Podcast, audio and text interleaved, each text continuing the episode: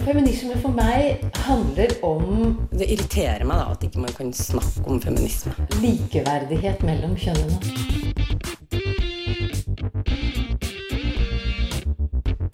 Det blikket på kvinnen på film. handlet det om å bli tatt på alvor som jente. Du hører på Et eget rom på Radio Nova. Denne episoden av Et eget rom består av fire utdrag fra en lengre sending som vi spilte inn på Tamara med Opplysningen og Nova Noir. Vil du høre deres del av sendingen? Sjekk ut Opplysningen og Nova Noir. I denne episoden hører du stemmene til Robin Frøyen, Linda Rosenberg, Katrine Oppheim og meg, Andrea Berg. Takk til filmskaper og lilletist i Tonje Søymer Guttormsen, som var gjest.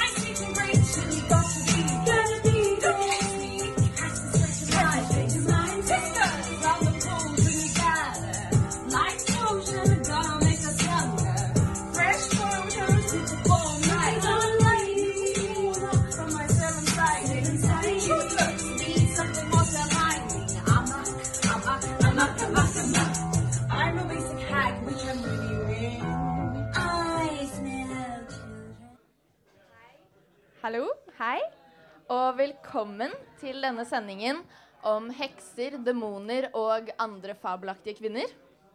Vi er Nova Noir, eller Ina fra Nova Noir. Josefine fra Opplysningen og Andrea fra Et eget rom. Og vi er altså eh, Radio Nova sin, eh, sitt filmprogram. Ja. Ja, og som jo egentlig passer veldig godt i liksom klangen i navnet til dagens sending. Ja, litt sånn mørkt og uh, dystert. Er det det du mener? Ja. Nova Noir, ikke sant? Ja. Opplysningen de uh, forklarer selv de mest komplekse samfunnsspørsmål. Uh, og det er mye kompleksitet i dagens tema, er det ikke det? Jo, spesielt i forbindelse med dagen i dag, som er halloween. Ja. Som dere vil få lære litt om senere. Mm. Og hvis det er én ting som i hvert fall er relevant når man snakker om hekser Ikke for å gjøre meg selv viktigere enn de andre her. det er jo feminisme. Eh, og jeg kommer fra et eget rom, altså Radio Novas feministiske program. Og vi tre vi sitter her altså i Tamara, som er verdens koseligste lille oransje pub på Grünerløkka. Uh, og her skal vi bruke den neste drøye en og en halv timen på å snakke om heks og litt annet. Em, hva er deres forhold egentlig til, til heks? Og hva, liksom, hva var forholdet deres til heks før vi begynte å gjøre research til dette programmet her? Jeg har vel alltid eh, på en måte kanskje idealisert flere hekser. Sånn som Hermine fra Harry Potter, eller Matilda. For å være den filmpersonen. Men jeg har heller aldri sett på heks med negative ord, da, selv om det er det det i stor grad har i historisk betydning. Da. Hva med deg? Jeg har nok hatt litt mer negative Jeg har liksom Hans og Greta hadde et spill der hvor heksa var utrolig skummel. Um, da hadde jo heksa svær nese, vorter i trynet, og det var det jeg tenker Hekser de spiser barn, ikke sant? De er jævlig. Um, så kom jo ja, Sabina på, på Netflix, og da så jeg det og tenkte jeg, nei.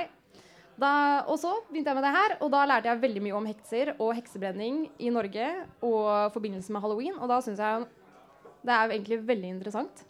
Du måtte rett og slett gå litt i deg selv og sjekke fordommene dine. Hva med deg da, Andrea? Hva var ditt forhold til heks? Du, eh, takk for at du spør. Jeg um, Jeg tror at mitt for- Jeg har alltid vært heks, jeg. På halloween. Eh, alltid, alltid vært heks på halloween. Og liksom når jeg tenker heks, så tenker jeg egentlig på Sex and the City. For der er det en sånn scene hvor de går og skal handle sånn halloween-kostyme. Og så plukker Miranda, da, som er den mest woke karakteren i eh, showet, hun plukker liksom ut to kostymer fra, fra hyllen, og så er hun sånn Ja, da kan jeg være sexy katt, eller så kan jeg være heks. Sier ikke det litt om samfunnet vårt, liksom? Og så har jeg liksom Ja, jeg har alltid vært mest dratt mot heks, da. Så kan vi jo psykoanalysere meg mer senere. Men, um, men vi skal lære i hvert fall mye mer i dag. Og um, vi har lært ganske mye allerede, vi tre. Men vi skal dele det med dere. Med hjelp av våre redaksjoner. Uh, men aller først så skal vi få høre en låt som er skrevet av Fred Deacon. Han er DJ og slapp denne låten tidligere i oktober. Og den heter Rush. Feminist, a person who believes in the social, political, and economic equality of the sexes. Eget rom. Et eget rom. Et Eget rom. Et eget rom. Et eget rom.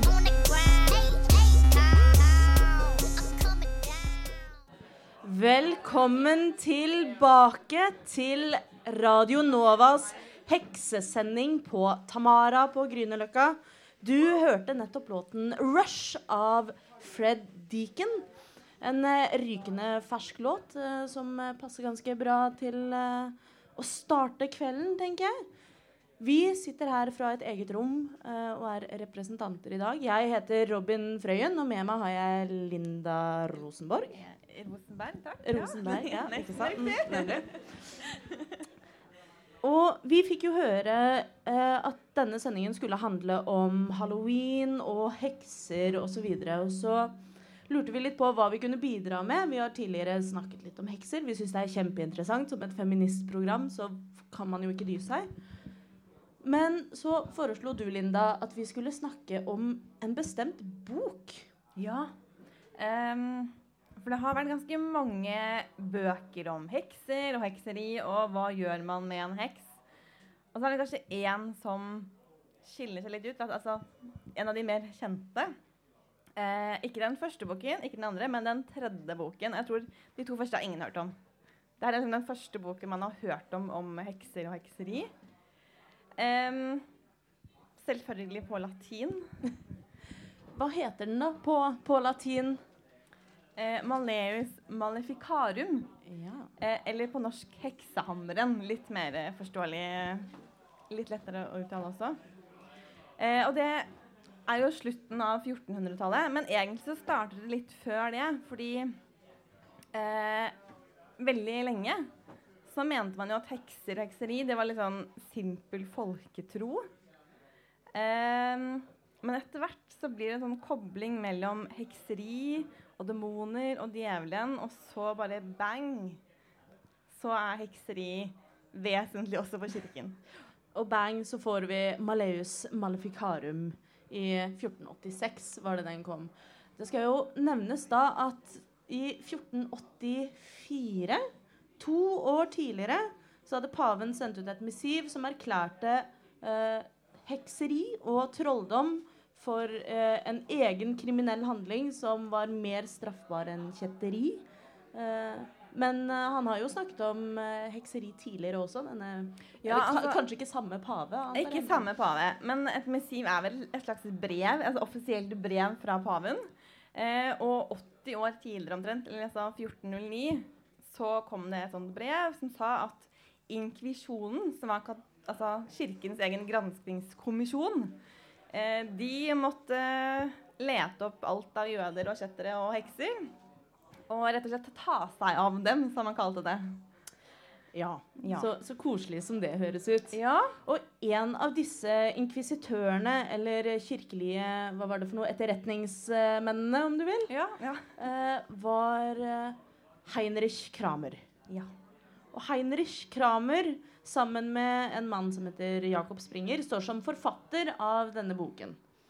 Eh, jeg tittet litt på fakta om Kramer.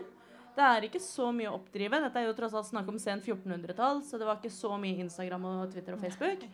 Men han var visstnok en ganske karismatisk fyr med mye kontakter. Men han var ikke en kjempegod inkvisitør. Så han hadde vært på noen heksejakter som egentlig ikke hadde gått så bra. og sånn. Før han satte seg ned da og benyttet sin kunnskap til å skrive 'Heksehammeren' isteden. For det her var jo eh, den første studien om heksekriminalitet. Eh, og ble da en håndbok i hvordan lete opp, eh, avsløre og rettsforfølge hekser. Ja, for det er jo en tredelt bok hvor dette er disse tre. Det er de tre. Og da er det den siste delen som er kjent for å være den mørkeste, fæleste, mest dramatiske delen. Hvor det da er snakk om hvordan du skal rettsfølge hekser, og til sist også hvordan de skal henrettes. Så da var det bl.a. lagt fram eh, torturmetoder som funker på hekser. Eh, kanskje det at det er lurt å brenne dem på bål, og så, sånne andre fine eh, juridiske tilnærmingsmåter. Det har vel blitt stående som den boken som sier Først sier at ja, du kan bruke tortur i rettssammenheng. Det er helt fint. Det er liksom arven etter den boken. Uh, og det er uh, omstridt hvorvidt den egentlig fortjener all den æren den har fått, denne hekseboken. I Norge så har vi få kilder som viser tilbake til den, ifølge Store norske leksikon. Mens i trolldomsprosessene på Island så ser man direkte sitater fra heksehammeren i rettsdokumenter. Så da er det jo tydelig at den har blitt brukt som en lovtekst og en rettesnor i et av eh, verdens største ja, folkeforfølgelser. Eh, I hvert fall tidlige folkeforfølgelser. Det, den har eh, visstnok ganske tydelige Altså den er inspirert av de to forrige heksebøkene. Eh, og en av dem, eller den bok nummer to, eh, som kom i 1435, som heter Formikarius, eh, som også ble skrevet av en eh, teolog. Der står det at det er eh, alle kan eh, utføre magi eh, hvis man eh, hengir seg til djevelen. Men kvinner, de, eh, de har så sterk seksualdrift at de er mest utsatt for det her. Det her er jo et ganske grunnlegg også hos, eh, i heksehammeren. Ja, det stemmer. I heksehammeren så ble det Ja, det ble presisert ganske tidlig i teksten at Kramer skriver egentlig bare om kvinnelige hekser primært, og så hvis det er mannlige hekser, så er det da unntak til regelen. Eh, Og Kramer mente at kvinnens mentale, fysiske, moralske og åndelige svakhet i kombinasjon med hennes heftig kjønnslyst gjorde henne til et lett bytte for Satan. Um, ja. Så enten så har man ikke som kvinne seksualist, eller så har man for mye, og da er det farlig, det også. Ja, Sånn da blir, du, da, ja, da blir du egentlig litt for på godfot med Satan. Um, det, Men- ja, unnskyld. Det, det er jo ikke bare disse tidligere bøkene han er inspirert av. fordi originaliteten til denne boken er jo at han tar litt sånn ren folketro og litt sånn juss og litt tidligere dokumentasjon i gåseøyne. Og liksom blander alt sammen. Det er helt riktig. Og det som også er interessant med denne boka, er jo at det er vanvittig god timing. Denne boken kom jo ut mens boktrykkerkunsten var rykende fersk, som tillot den å bli masseprodusert som en av de første tekstene som ble det. Den ble utgitt i, eh, På slutten av 1600-tallet så var det rundt 50 000 utgaver i omløp. I tillegg så var det skrevet i en periode hvor den katolske kirke ikke hadde det helt eh, på topp. Det var rett eh, før reformasjonen og den protestantiske kirkens begynnelse. I tillegg så tok jo også Kramer og sa det at eh, nå skjer det en eksplosjon av hekser. Det kommer så sykt mange hekser, skriver han i boken sin med litt annen ordlyd. Og det betyr jo også at apokalypsen er rett rundt hjørnet. Og det selger. Men det som er interessant her, er, selv om paven på en måte har eh, sin del av skylden med disse brevene sine, og at det her er en, en stor del av en kristen tro Kirken likte jo ikke den boken her i det hele tatt. Men fordi at han sier sånn Hekser fins, eh, og vi må gjøre noe med det, og vi må drepe de og ta de bort, så sa alle andre rundt, sånne folkelige Hurra! Nå har vi et dokument som sier hvordan man gjør det. Ja, og jeg syns det var interessant da jeg først begynte å ta et lite dypdykk i heksehammeren. Så uh, skulle jeg ikke dykke så langt før jeg havnet inne på konspirasjonsteoriene. Så det har jo blitt konspirert om uh, hvorvidt uh, denne andre forfatteren, Jakob Springer, som var en teolog ved universitetet i Köln, hvorvidt han egentlig var med i det hele tatt, utover å skrive et forord. I tillegg, på den tiden, så var det slik at for at en bok skulle være en pålitelig juridisk tekst, så måtte den bli godkjent av ja, litt pålitelige juridiske folk, da. Så Kramer hadde tatt med denne for å få en uh, slik godkjenning av et teologisk uh, team i universitetet i Köln, som var veldig anerkjent på den tiden.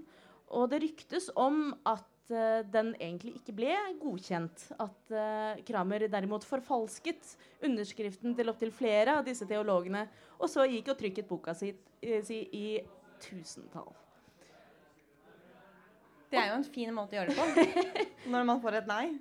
Ja, altså Vi kan alle være skeptikere, er det ikke sånn? At ja, ytringsfrihet osv. Det er lov å mene akkurat hva man vil. Og de som sier deg imot, de lar deg ikke ytre.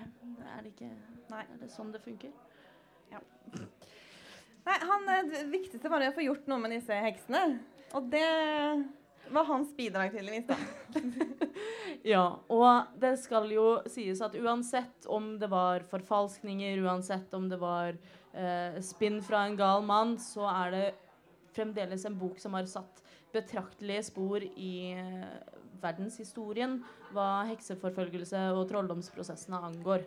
Særlig, jeg skal få si en siste ting, eh, fordi at eh, eh, den har jo inspirert veldig mange andre senere heksebøker som har referert til den og tatt fra den sånn helt ukritisk.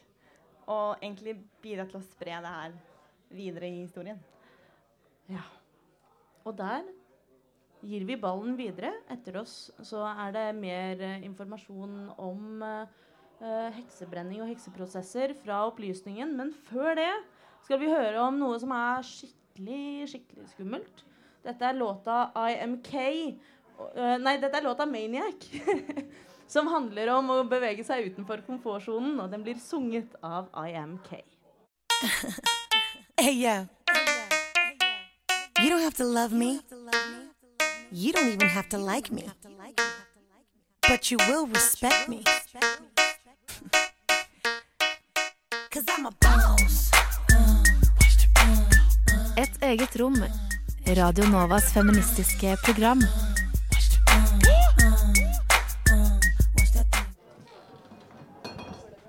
Ja, der hørte vi låta 'Breathe' av Anna Soleil.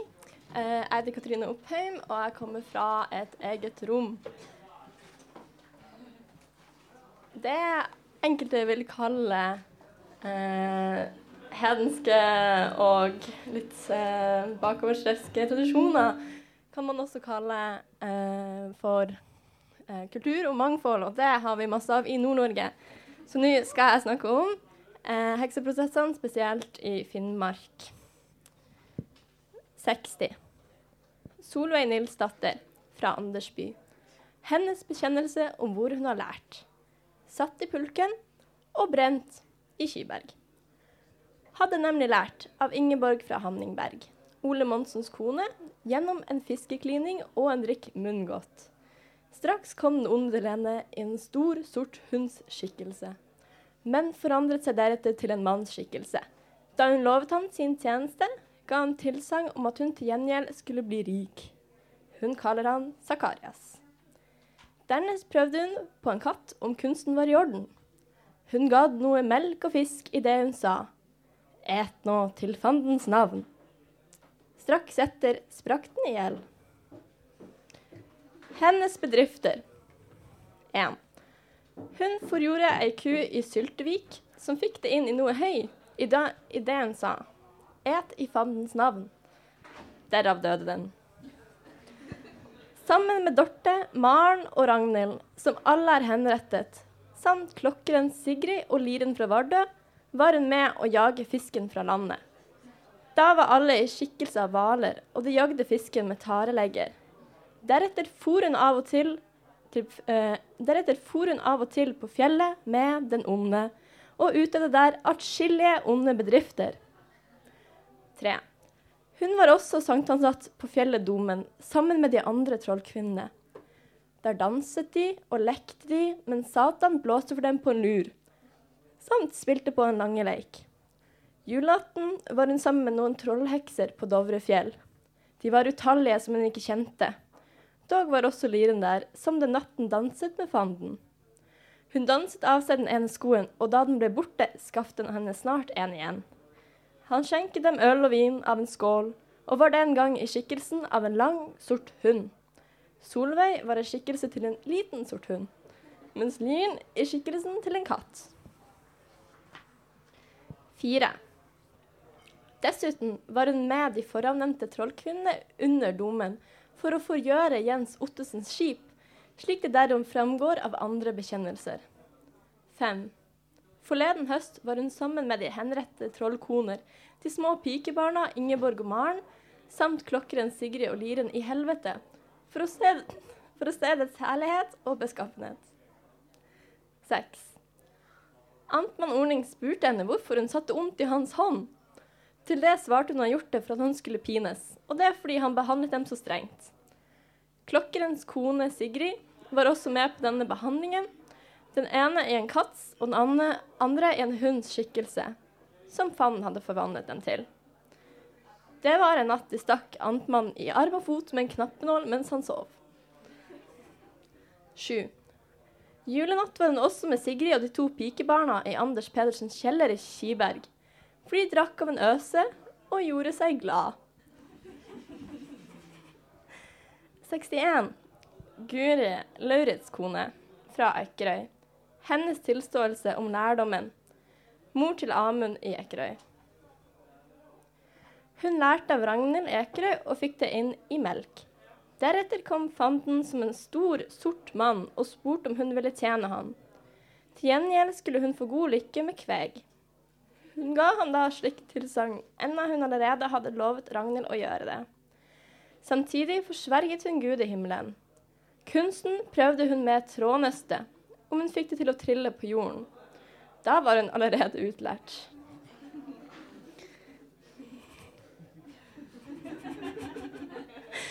Som tidligere er beskrevet, var med de andre på fjellet Domen og danset samt også for å, danset, samt også for å bese helvete.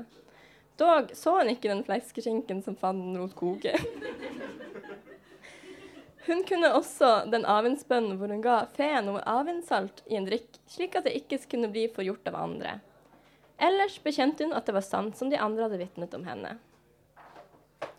Dommen over begge av den 29. januar 1663.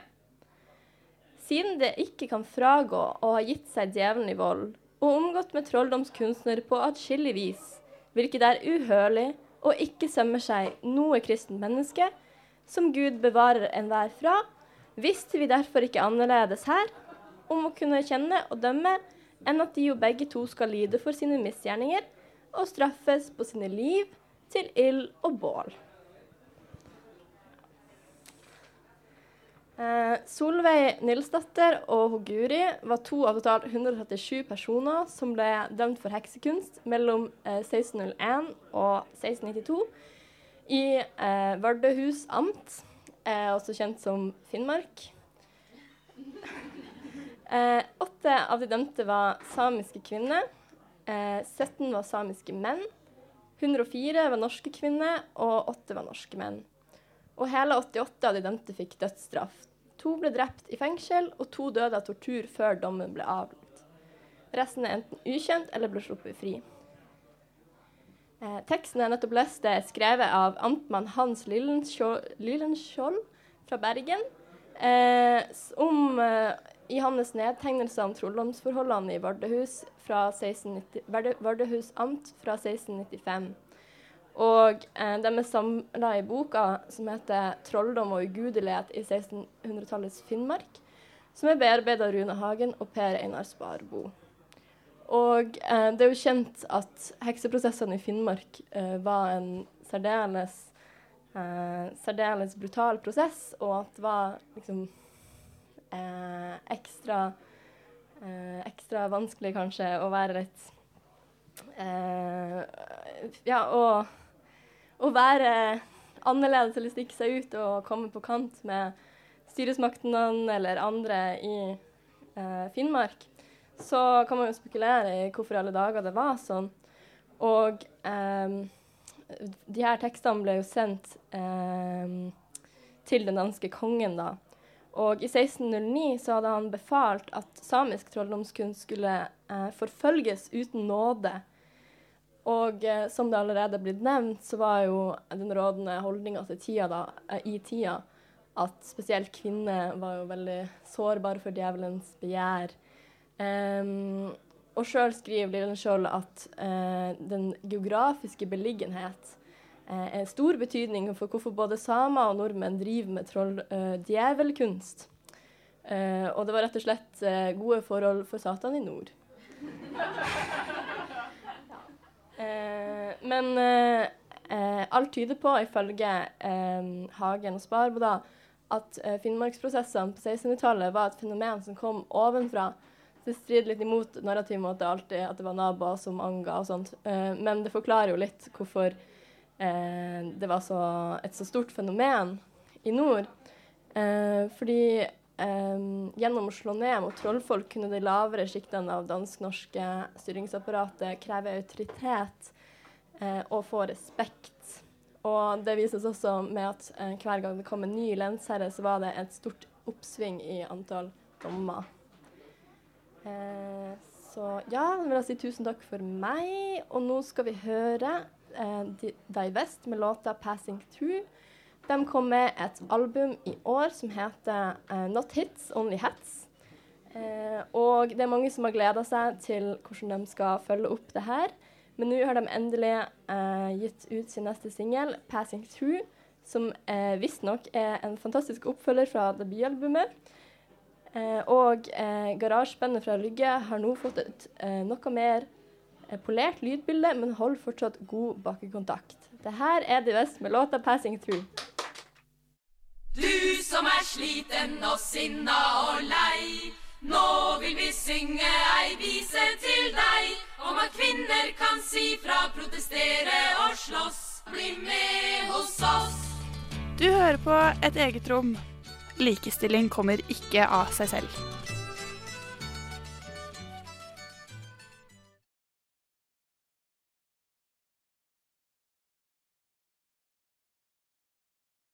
Hallo, hallo, hei!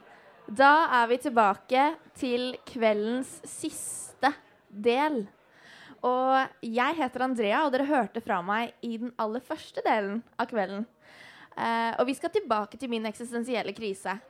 Fordi uh, det skal man jo alltid. Uh, min eksistensielle krise om hvordan jeg liksom alltid er blitt så trukket mot denne heksen, da. Og vi har snakket veldig mye om heks i dag, og veldig mange forskjellige typer hekser. Noen som bare er onde fordi det er lættis å være ond. Noen som blir ansett som onde, og noen som blir kalt primitive av enkelte, og kulturelt interessante av andre. Og da tenker jeg at da må vi snakke litt om de som ikke blir kalt heks, men som kanskje deler en del av de samme karakteristikkene, da.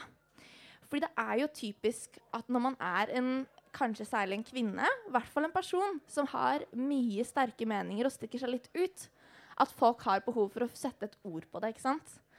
Og em, når det kommer til kvinner, så henger dette ofte sammen med et behov for løsrivelse, eller em, eh, kanskje særlig tilknyttet seksualitet, da. Em, men også på andre måter, ikke sant? Et behov for å gjøre ting på sin egen måte i samfunnet.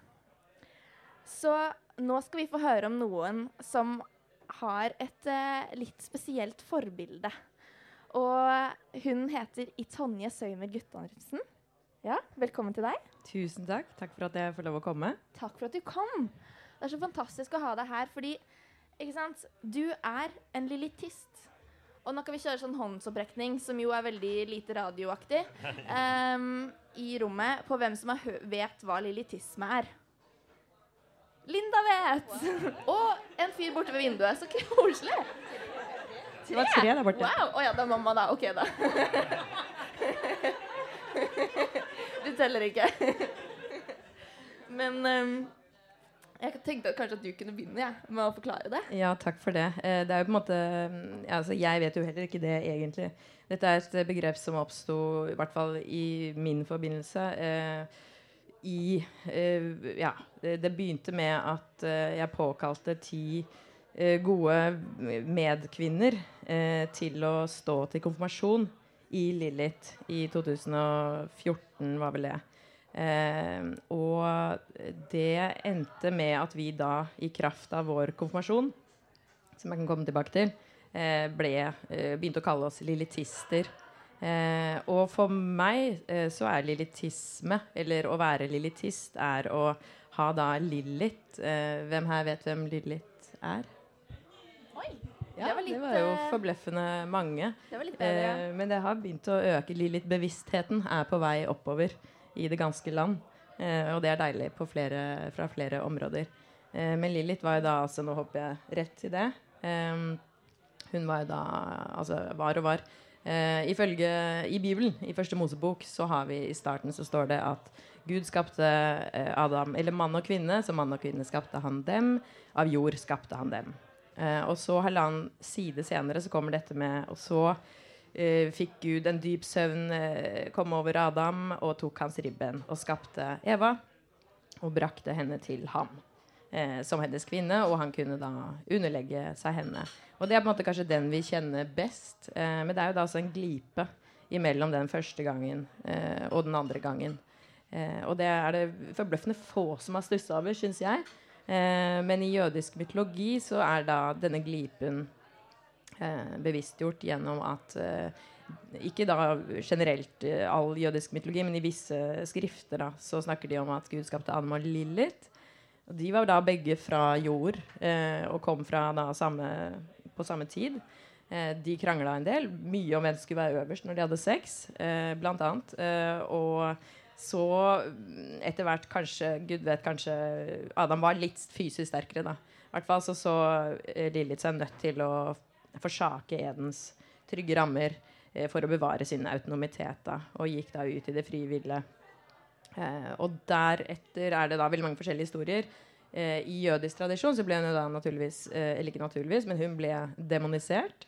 Eh, og brukt da veldig effektivt som skrekk og advarsel for kvinner. Altså ikke ta en lillit, ikke stikk, ikke prøve å eh, For det hun, de fortalte at hun gjorde, var at hun dro til underverdenen, og så lå hun med masse djevler.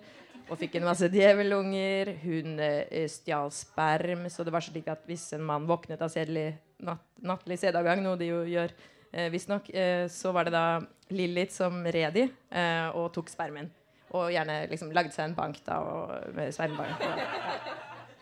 Eh, og så er det da en annen eh, fortelling. Det er jo mange fortellinger, og mye er liksom sagn og osv. Men eh, Gud Og så blander jeg det litt med min på en måte fortolkning. For jeg har på en måte retolka det her, og jeg og mine medlilletister dikter jo videre. Men uh, i hvert fall så var det slik at um, Gud lurte på Eller på vegne av Adam, for jeg kan tenke meg Adam ble jo savna jo Lilith. Altså men han, jeg tror kanskje han var litt feig, så han turte ikke å gå etter. Og, og sånn jeg egentlig ser det, var vel mer at mer enn at de krangla om hvem som hadde sex, så var det kanskje bare Lilith strengt talt kjeda seg litt i Eden. Det var kanskje litt kjedelig der. altså Paradis. Eh, rammer, og her er det fint og alt det. Mens der ute, hva er det der ute? ikke sant? Så, så hun eh, gikk nok ut, og Adam turte kanskje ikke komme etter, klagde det til Gud. Eh, Gud eh, ja, sov jo sikkert, eller Men eh, uansett så ble det i hvert fall en slags sånn uh, kjøpslåing, for Gud gikk jo da til sa kan ikke du gå tilbake til Adam, og så sa hun nei. Det, det gjør jeg ikke, men, men eh, ja, hva, hva, skal du ha da for å slutte å holde på sånn og uh, ligge med alle og lage masse djevelunger osv. Og, så og da sa hun Eller det som var liksom hennes ønske, var uh, altså, Call me by your name. Holdt jeg på å si. Altså, kan, kall meg, kall meg, kall på meg, kall, si navnet mitt. Hun ville ha anerkjennelse for den hun var, da. Og da ble det slik at uh, Eller ja, at i visse kretser innenfor visse jødiske kulturer så setter man da en sånn amulett over spedbarnskrybba for at ikke Lilith skal komme og ta barnet. Og det er jo en anerkjennelse av Lilith, kan du si, så da fikk hun jo den, da. Hvert fall. Eh, og Adam fikk jo Eva, da. Og det var jo kanskje ikke så gøy. Uh, og, for, liksom, et, og jeg tenker at Gud var jo mer sånn Ok, greit, se her, ta det ribbeina, se hvor gøy det er. på en måte uh, ditt, eget, ditt eget ribbein. Men det tok jo han veldig alvorlig, og så fikk vi hele det uh, måte, den tida da som vi, uh, vi er etterkommere av. Eh, mens, ja, så for når jeg hørte når jeg var 27 og gikk på en veldig rigid filmskole eh, i eh, Lillehammer, i en sånn rigid dal. Altså sånn, eh, og fikk høre om Lilith, så var jo det brannfakkel. Så da eh, ble jeg nødt til å kaste alt i lufta og følge henne, da, på en eller annen måte. Eller ikke følge, fordi lilithisme er jo på ingen måte en religion, og i hvert ikke noe man eh, liksom skal under, om, altså, underkaste seg. Det er ikke noen regler, det er ingenting. Men eh, for meg var det i hvert fall en, sånn, en slags eh, retning og et navigasjonsverktøy. Og undre meg over hva, hun, hva som fikk henne til å gå ut, og hva hun kan representere i vår tid. Og hva den brikken av altså det at Lilith ikke fins i vår bevissthet. For det er klart hun er jo demonisert i jødisk tradisjon. Hun fins eh, 70-tallsfeministene tok henne opp som en heltinne. I goth-miljøer er hun en sånn sexgud. og du finner henne på mange måter, men eh, jeg blir litt opptatt av hva den brikken, eh, på en måte den forsvunne brikken, har å si for vår kvinnelige identitet. da. Jeg syns det var spennende å undersøke. Ja. Det var eh, godt oppsummert. Ja, det var langt og fort. Godt og langt oppsummert. Men som du sier, da, så er det Hun fins i liksom enkelte miljøer. Men likevel, når vi spør salen, så er det ganske få som har hørt om henne. Hva, hva, hvor ble hun av, liksom? Ja, det er jo et godt uh, spørsmål. Eh, Du kan jo si at kanskje for den skandinaviske kulturen Altså hvor vi, ja, det er, ja, At det er mer sånn La oss bare legge lokk på det. La oss bare Øy, skjønte ikke helt det der. Eh, da forholder vi oss ikke til det. Den fortielsen er jo kanskje vel så snik, ille som forbannelsen, på en eller annen måte. Så i, ja, i vår kultur har den rett og slett bare blitt borte, da, som veldig mye som har blitt borte. Altså bare Hvis man snakker om for eksempel middelalderen. Vi lærte på skolen Middelalderen, ja, det, det var mørkt. Det hopper vi over. Ja. Altså, eh, at alt som på en måte er litt sånn tvetydig eller litt forstyrra, eller Det bare hopper man over, da. Mm. På en eller annen måte. Kanskje det var der hun ble borte. Men uh, hva var det som fascinerte deg så mye med henne? Ja, men altså, det er jo veldig fascinerende å tørre å gå ut uh, av det velkjente, ut i det ukjente. Og hva, hva, hva er det der? Jeg aner ikke. Jeg bare tar det steget. Eh, jeg ofrer det trygge. Jeg vet ikke. Jeg Synes, jeg syns det er såpass eh, Ja, det er triggende. Eh, Den nysgjerrigheten som helt sikkert Og det motet. Og den risikoviljen som hun må ha på en måte mm, besatt. Og så er hun selvfølgelig Hun er jo stolt, ikke sant, fordi hun ikke vil la seg undertrykke osv. Det er jo også et aspekt. Men jeg synes kanskje den Jeg tenker at hun er ganske sånn leken og, og fri og vill, og det, det er gøy. Det er ikke så mange altså det, det er jo ikke det jeg tenker på med Eva, i hvert fall. Så er ikke det liksom Yes. Ikke at, ikke at, bare, ikke at man bare kan velge forbilder i, i Bibelen, men, eh, men ja, for meg var det hvert Jeg vraka på en måte kristendommen da jeg var seks. Jeg var veldig sånn Da ble jeg ateist. Eh, Ikke at jeg er ateist nå, men da ble jeg det veldig aktivt. Og det hang sammen med den type Jeg tror det hang sammen med eh, ja, blant annet at Altså at Eva var et ribben, at kvinnen var et ribben. Det syns jeg var veldig opprørende. da Og fikk jo aldri til å stemme. Hvorfor det? Nei, men altså, vi er jo, vi er jo likevel Altså, vi er jo så mye mer. Eh, og at den eh, tjeneren, Eva, og omsorgsmyke eh, omsorgspersonen, det er bare en del av kvinnelige da. Så Mm. jeg føler at uh, Lilith uh, representerte et, et handlende subjekt da, som jeg var mye mer interessert i, og ja, ble trukket mot.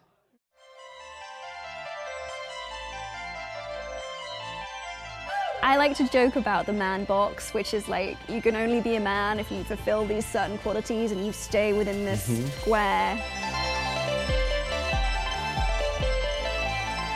Du hører på Et eget rom på Radio Nova. Some of the best feminists I know, man. Hva er det du tar fra Lilith liksom inn i din egen hverdag? Fordi du har jo snakket om det at først og fremst så er lilithisme noe du tar med deg inn i ditt eget liv og i alle handlingene dine. Hva, hvem er Lilith liksom for deg som en veileder? Altså Først og fremst så ble jo en altså Det ble jo et kunstprosjekt. Først var det veldig personlig at jeg ble nysgjerrig på henne, og, og at det hjalp meg eh, i en del eh, Ja, f.eks. å gå på filmskolen. Altså en del sånn klassiske, litt sånn mannsdominerte fora. Eh, eh, at det ga meg mot å tenke på Lilith, og, og at det også utfordra en del i forhold til jeg, hvilke tanker jeg hadde om det å være kvinne, om parforhold, om å eventuelt være mor. Eh, at, at Lilith representerte en litt sånn annen mulighet, da, på en eller annen måte. Um, men så ble det jo viktig for meg fordi det som Lilith Det på en måte negative aspektet ved Lilith, det er jo Eller i den der eh, søken og reisen hennes så ligger jo også mulig villfarelse, isolasjon, ensomhet og, og ja um, for, Forderving, hva heter det? Ja, altså til grunnehet. Eh, så jeg ble opptatt av på et eller annet tidspunkt. Og, eh, for da hadde jeg allerede begynt, og jeg hadde hatt en sånn rituell konfirmasjon i 2011 bare, hvor jeg konfirmerte meg, på en måte. Eh, men så kjente jeg at nei, men Lilith hun trenger jo flere. altså Hun trenger jo fellesskapet. Det hun ønsker, er jo fellesskapet, men hun kan ikke komme tilbake. Ikke, altså Hvis ikke det fins noe gyldig fellesskap for henne i, i, dagens samfunn, så må vi på en måte Hva kan vi gjøre i vår tid og vår, med oss selv for å romme henne da, inn i tida? Ikke, sånn at hun ikke trenger å være den marginaliserte, perifere skikkelsen. Ja, og da bestemte du deg for å lage en konfirmasjon. Yes. Og det har jeg lurt litt på, fordi en konfirmasjon det er jo en bekreftelse, ikke sant? Mens en dåp er jo på en måte en innvielse i noe nytt. Så hvorfor valgte du en konfirmasjon?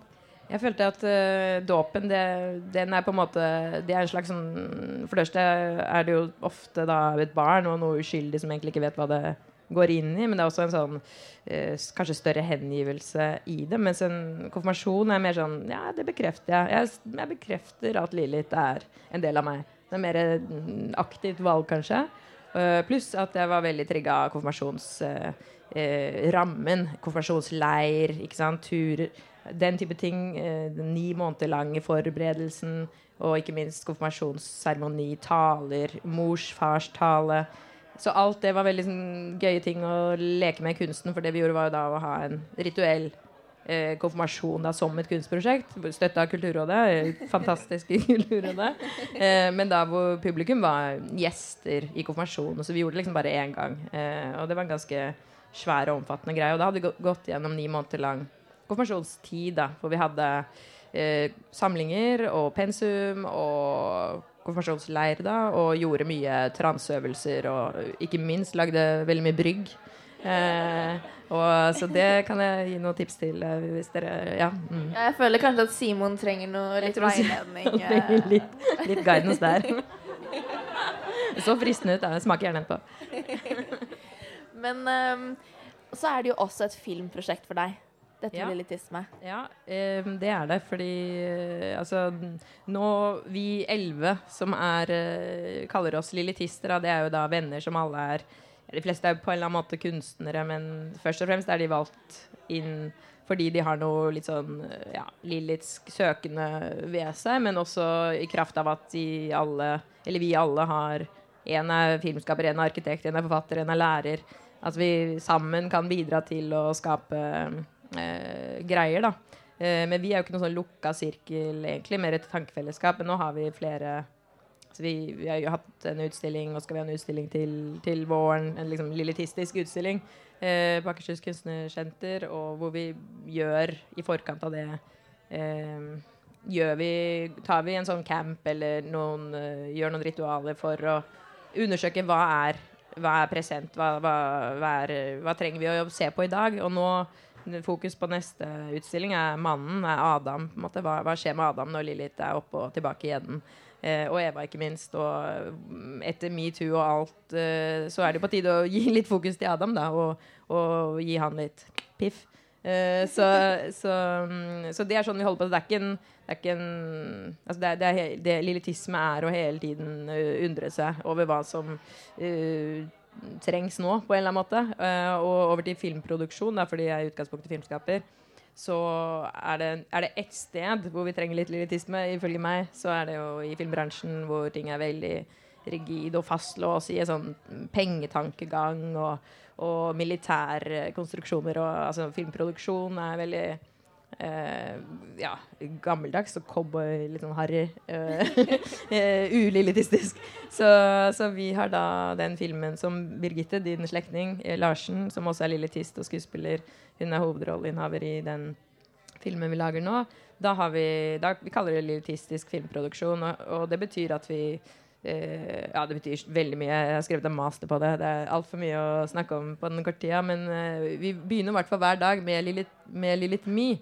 Og det er da elleve eh, bevegelser som eh, springer ut av elleve begreper, som da vi demma opp under den konfirmasjonscampen.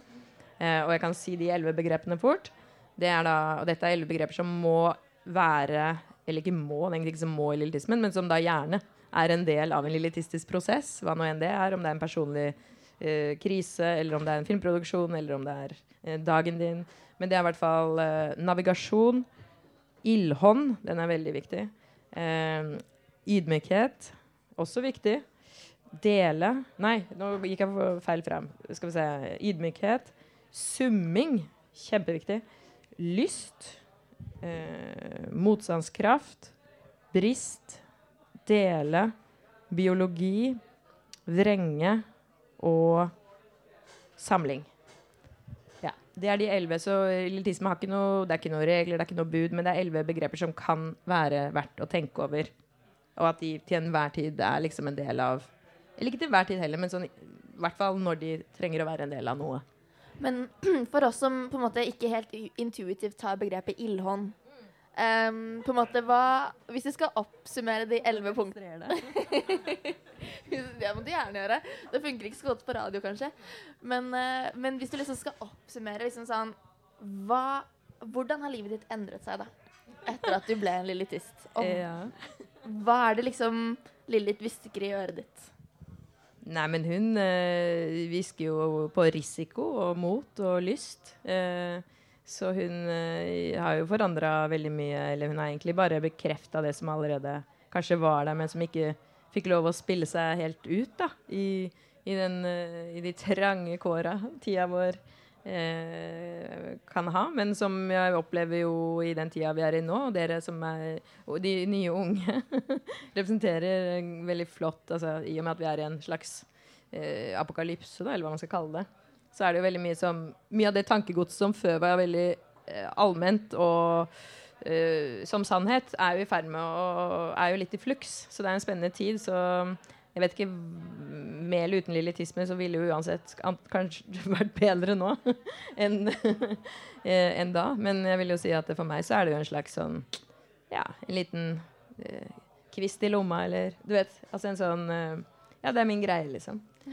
Så det, Ja, det, det er bra å ha en greie. Det er, det er bra å ha en Det er frigjørende og betryggende å ha en greie. Ja. Nei, jeg skal i hvert fall ta med meg denne kvisten videre, merker jeg. Og um, jeg tror vi må bare runde av der.